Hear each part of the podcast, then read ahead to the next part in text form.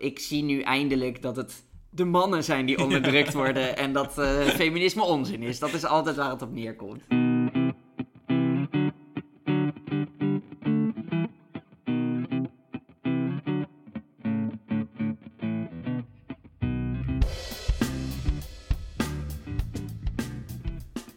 Welkom bij de Verwoorde Onschuld en welkom JW. Welkom Jamie. Welkom lieve luisteraar ook. Hey, het woord van deze week is hoofdpersoonsyndroom. Ja, En dat was al eerder het woord van de week voor het Instituut voor de Nederlandse Taal. oké. ik Maar In- wij hebben hem niet behandeld. We hebben hem toen niet behandeld, maar dat kwam omdat wij toen niet bestonden. Oh, dit was Ja. voor ons. Ja, want jij Ja. kwam naar mij toe van deze week van... JW, we gaan het over hoofdpersoonsyndroom ja. hebben. Eh, dus ik ga er eigenlijk redelijk blanco in nu. Ja. Maar goed, het is dus al eerder het woord van de week voor het, Het is eerder instituut- ja. Oké, ja. leuk. Ja. De reden dat we het nu gaan doen is, ehm, ja, dat weet jij niet. Nee. Maar wij zijn eigenlijk, wij zijn geen hoofdpersonen in onze Jij en ik? Nee, Oké. wij bestaan eigenlijk niet. Eh, Oké. Want waar, waarin wij leven, dat is een schijnwerkelijkheid. Wij leven in de Matrix. Je moet nu En wij heel, zijn, heel snel je punt gaan maken, want je gaat het kwijt. wij zijn eigenlijk maar bijpersonages. Oké. Wij zijn zogeheten non-playable characters in de Matrix. Ja. En de enige persoon die wel bestaat, dat is natuurlijk Andrew Tate. Ah, oké. Dus Veel in vandaar... het nieuws geweest de afgelopen twee maanden. zeker. Oké, maar ik heb nog niet er eerder de connectie gelegd. Ja, Want we zijn vanaf nu ook een complot-podcast. ja. Ik heb nog niet eerder de connectie gelegd dat Andrew Tate eigenlijk de enige echte hoofdpersoon is. En daarom is dit woord nu relevant. Oké, oké. Kijk. Maar eerst even een definitie. Ja, dus eh, Instituut voor de Nederlandse Taal, dat heeft een compleet verkeerde eh, definitie ervan gegeven. Classic Instituut voor de Nederlandse Taal. Nederlandse taal. Ehm, die schrijven, het is een you. neiging om jezelf, vooral op so- social media, veel beter voor te doen dan je eigenlijk bent. En de nadruk op je eigen leven te leggen, alsof je de hoofdpersoon in een film of boek bent. Oké. Dat- Dat, dat laatste vind ik logisch. Dat eerste zou ik zeggen dat dat net iets anders is. Het ligt net iets anders. Ja. ja, ja. Dus ehm, waar je het eigenlijk aan moet denken is... ehm, eh, je hebt twee soorten Mhm. hoofdpersoonsyndroom. Of je bent de hoofdpersoon van je eigen verhaal... Ja. Of je trekt het nog verder en je bent gewoon de hoofdpersoon van iedereen's verhaal. Ah, oké. Ja.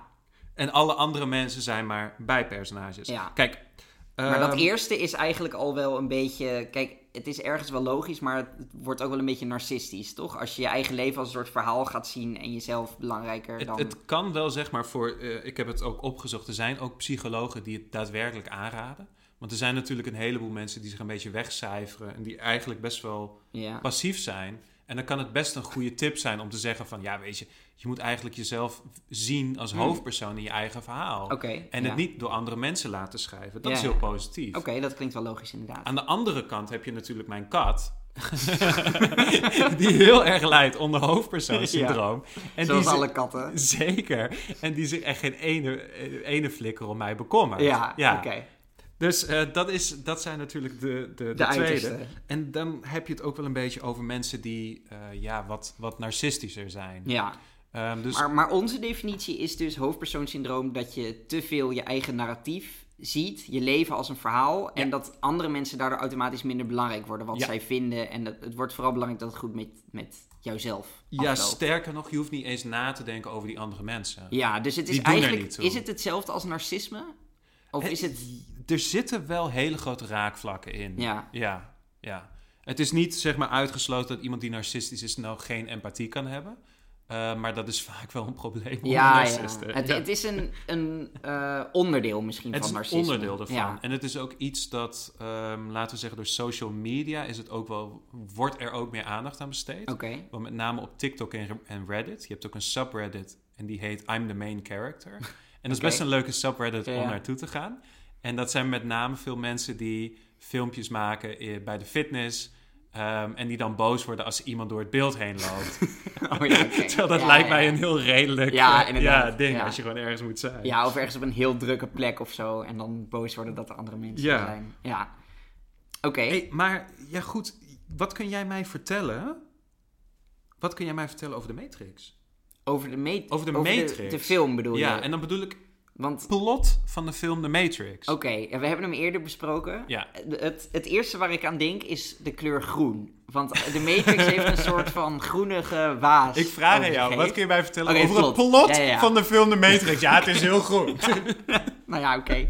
Eh, het, het plot. Oké, dus, dus eh, Neo, die eh, ja, loopt een beetje rond in het leven. En dan komt hij er opeens achter dat dat leven allemaal eh, nep is. Dat, Ja. dat vertellen ze Ja. aan hem en dat gelooft hij eerst niet. Ja, eigenlijk vertellen ze het ook niet echt aan hem. Ze geven hem zo'n eh, zo'n pil van Ja. rood of blauwe pil. En dan zeggen ze, no one can be told what the Matrix is. You have to see it for yourself. Maar goed, dat, dat moment heb ik in een eerdere aflevering al uitgebreid afgekraakt. Ja, maar goed, goed, hij op, krijgt zich, die- op zich kan je ook gewoon vertellen wat de Daarom, Matrix is. ja, dat kan ja. prima. Maar, Maar goed. ik wil het hebben over die pillen. Ah, oké. Ja. Want ik denk dat jij wel... Jij bent wel bekend met de red pill en de blue pill. ja. Ja. ja, ook al, zeg maar als concept buiten de Matrix. Ja, ja, ja. want eh, als ik het goed begrijp... Ja, de blue pill is niet echt iets. Maar de red pill, dat is de, de pil die Neo neemt. Ja. En dan eet hij die en dan openbaart de werkelijkheid zich aan hem.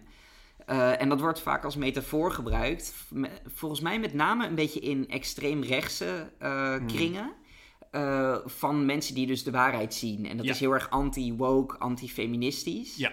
Eh, van ja, de, ik heb de red pill en ik, ik zie nu eindelijk dat het de mannen zijn die onderdrukt worden en dat eh, feminisme onzin is. Dat is altijd waar het op neerkomt. Kijk, ik heb, Toch? een, ik Vat heb, ik een, het goed samen? ik heb een quote, maar ik kan het bijna niet beter verwoorden dan, dan wat jij deed. Oké, dank je. Ehm, er staat namelijk: The red pill represents a new face in online misogyny.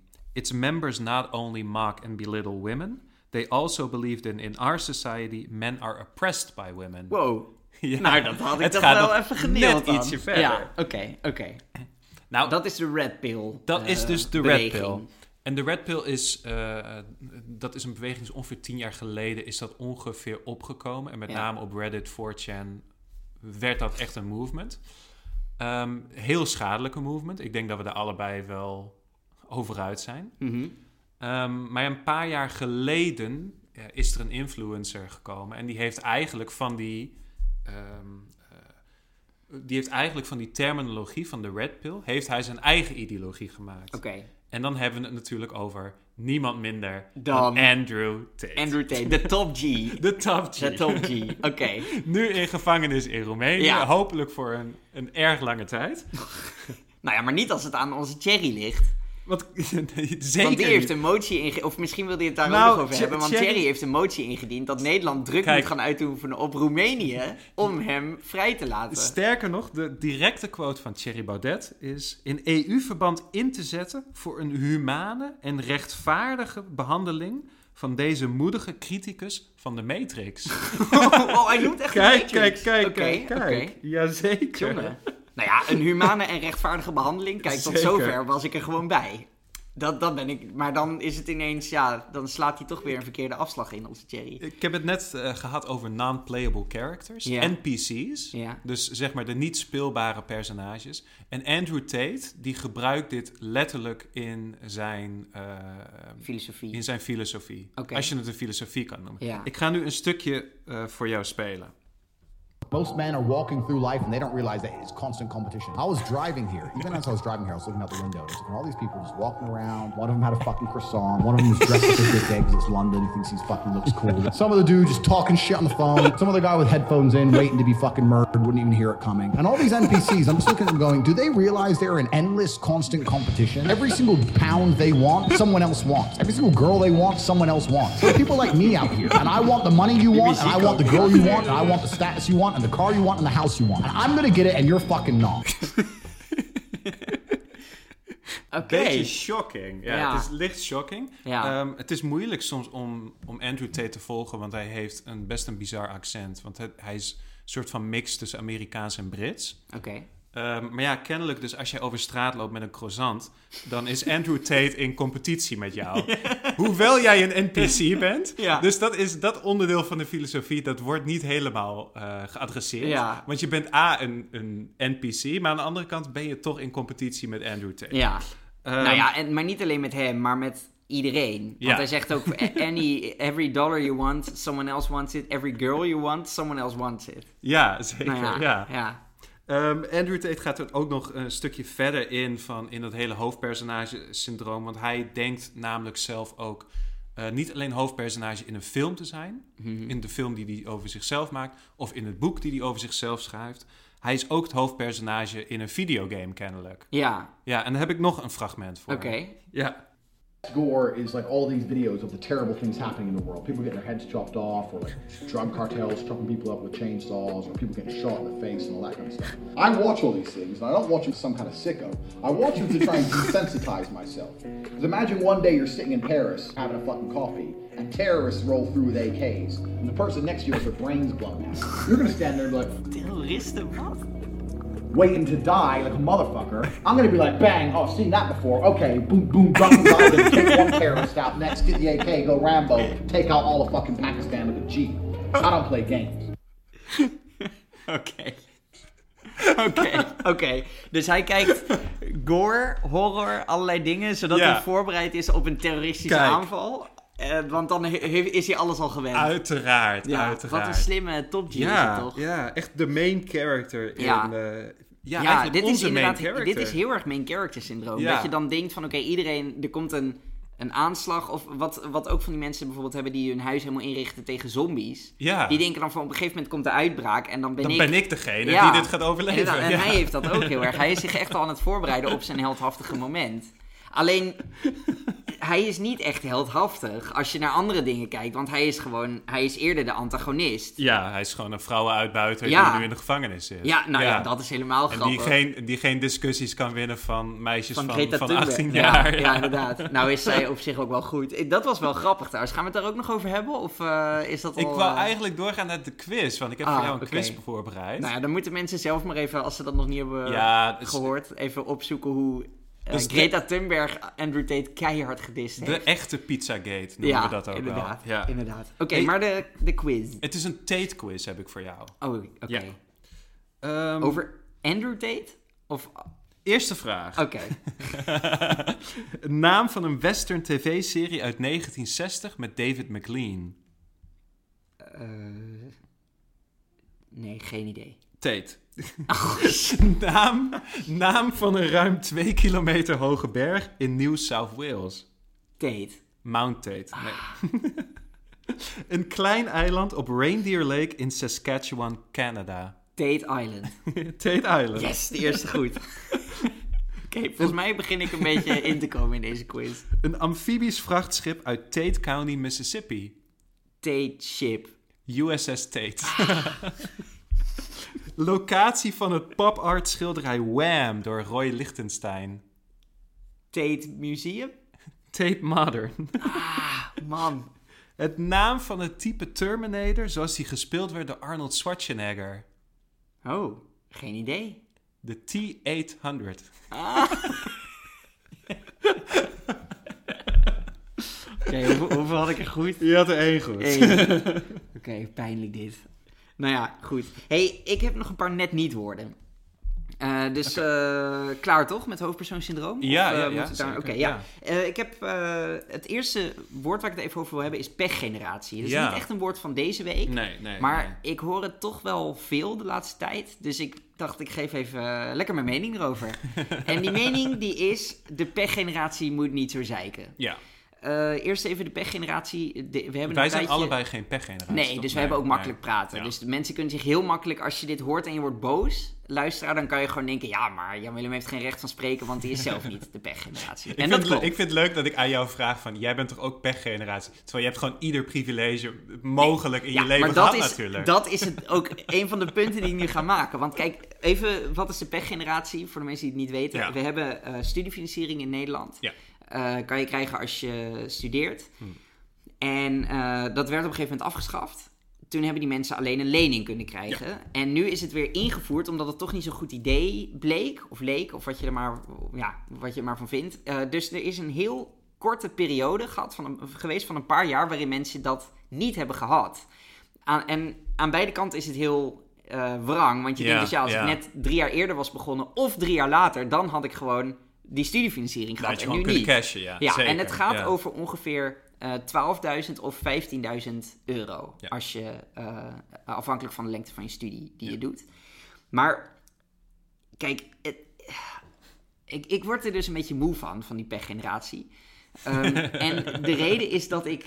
eh, nou ja, je kent waarschijnlijk die metafoor wel van die man die zijn sleutels kwijt is in een Hmm. donkere straat. En die zoekt dan onder een lantaarnpaal. En dan vragen mensen van, eh, waarom ben je daar aan het zoeken? En zegt hij, ja, ik heb dit stukje eigenlijk al heel erg goed doorzocht, maar hier is het licht zo goed. ja, ja. Nou, dat, dat, dit doet me daar een beetje aan denken. Want de pechgeneratie, die is namelijk... Het is een heel erg zichtbare vorm van ongelijkheid. Het is heel expliciet. Je weet om hoeveel geld precies. het gaat. Ja, ja, en het is ook heel duidelijk... Kijk, we hebben wel eens Van, discussies... van persoon 1 krijgt het niet omdat hij toen is begonnen met studeren, maar persoon, eh, persoon 2 die krijgt het wel. Precies. Ja. En aangezien het ook weer is, is ingevoerd nu... Ja. is het heel duidelijk dat, dat er een soort van... dat het heel arbitrair is, eigenlijk. Ja.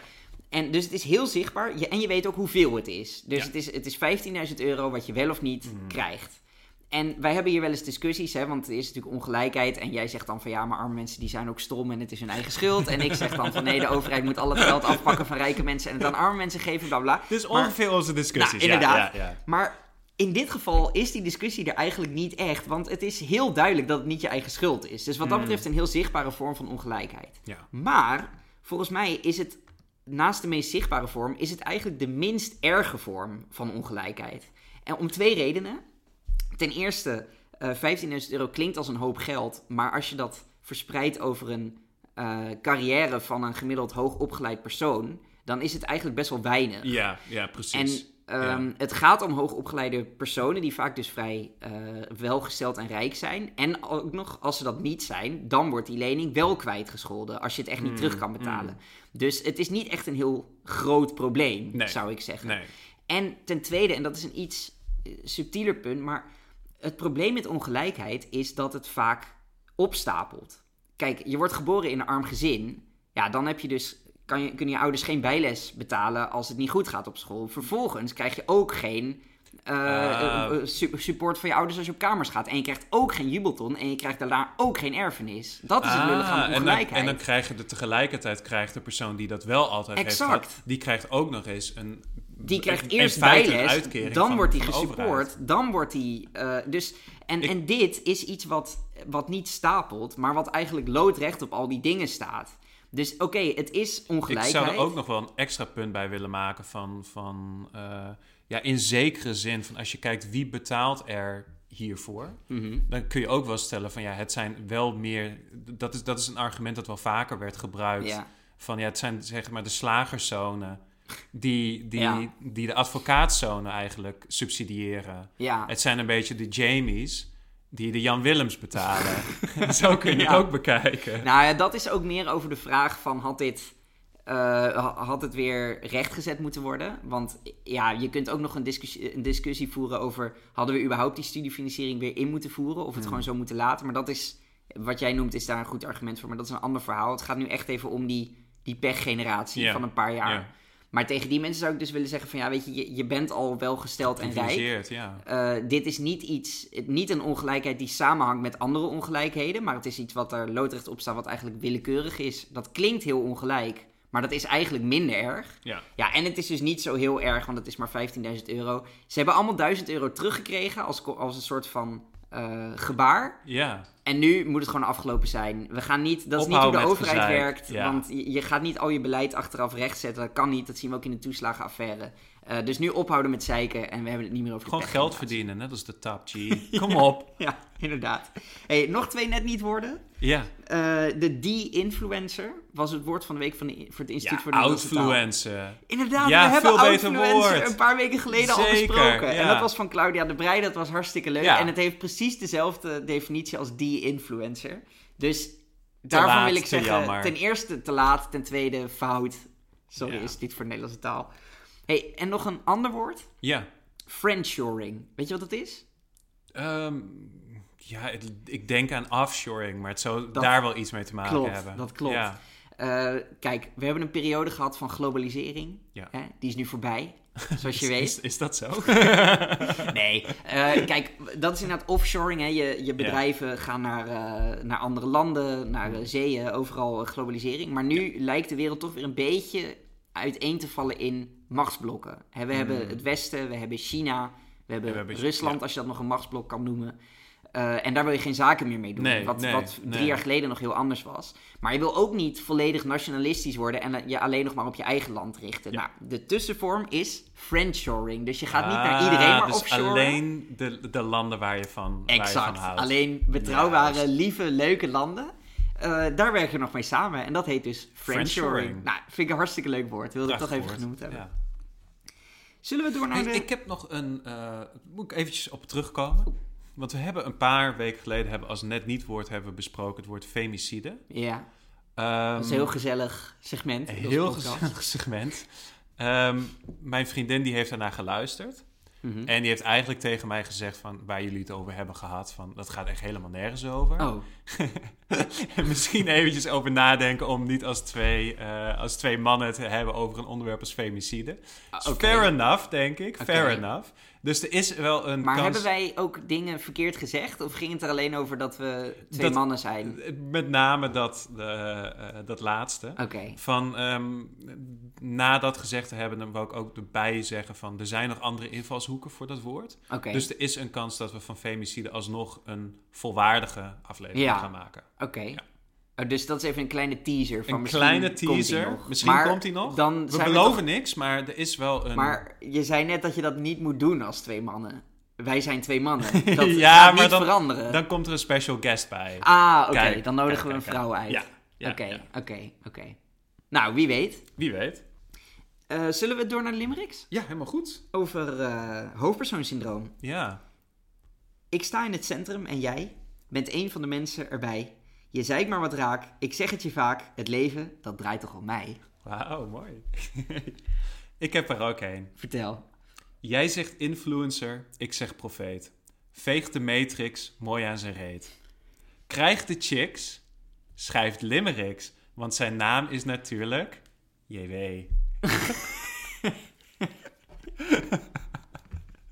Right, oké. Eh, wa- wat vind je van het woord, Jamie? Uh, hoofdpersoonsyndroom. Ik ben er zelf fan van. Ja, ik heb het natuurlijk ook een beetje geopperd. Ja. Dat we het hierover moeten hebben. Ehm, en het is wel bruikbaar. Want ik zou zeggen van ja, sommige mensen lijden gewoon echt aan hoofdpersoonsyndroom. Ja. Het is ook leuker om te zeggen van je gedraagt je echt, je probeert je echt als een hoofdpersoon te gedragen. Dan om constant maar mensen voor narcisten uit te maken. Nou, dat is ook best leuk. dus ik zou zeggen, ja, het voegt wel echt iets toe. Dus ehm, ik geef het vier van de vijf eh, red pills. Oké, oké. Eh, ja, ik ben iets minder positief. Ik vind wel het qua klank mooi. Hoofdpersoon syndroom, Syndroom, omdat er drie ja. keer die O in zit. Ja.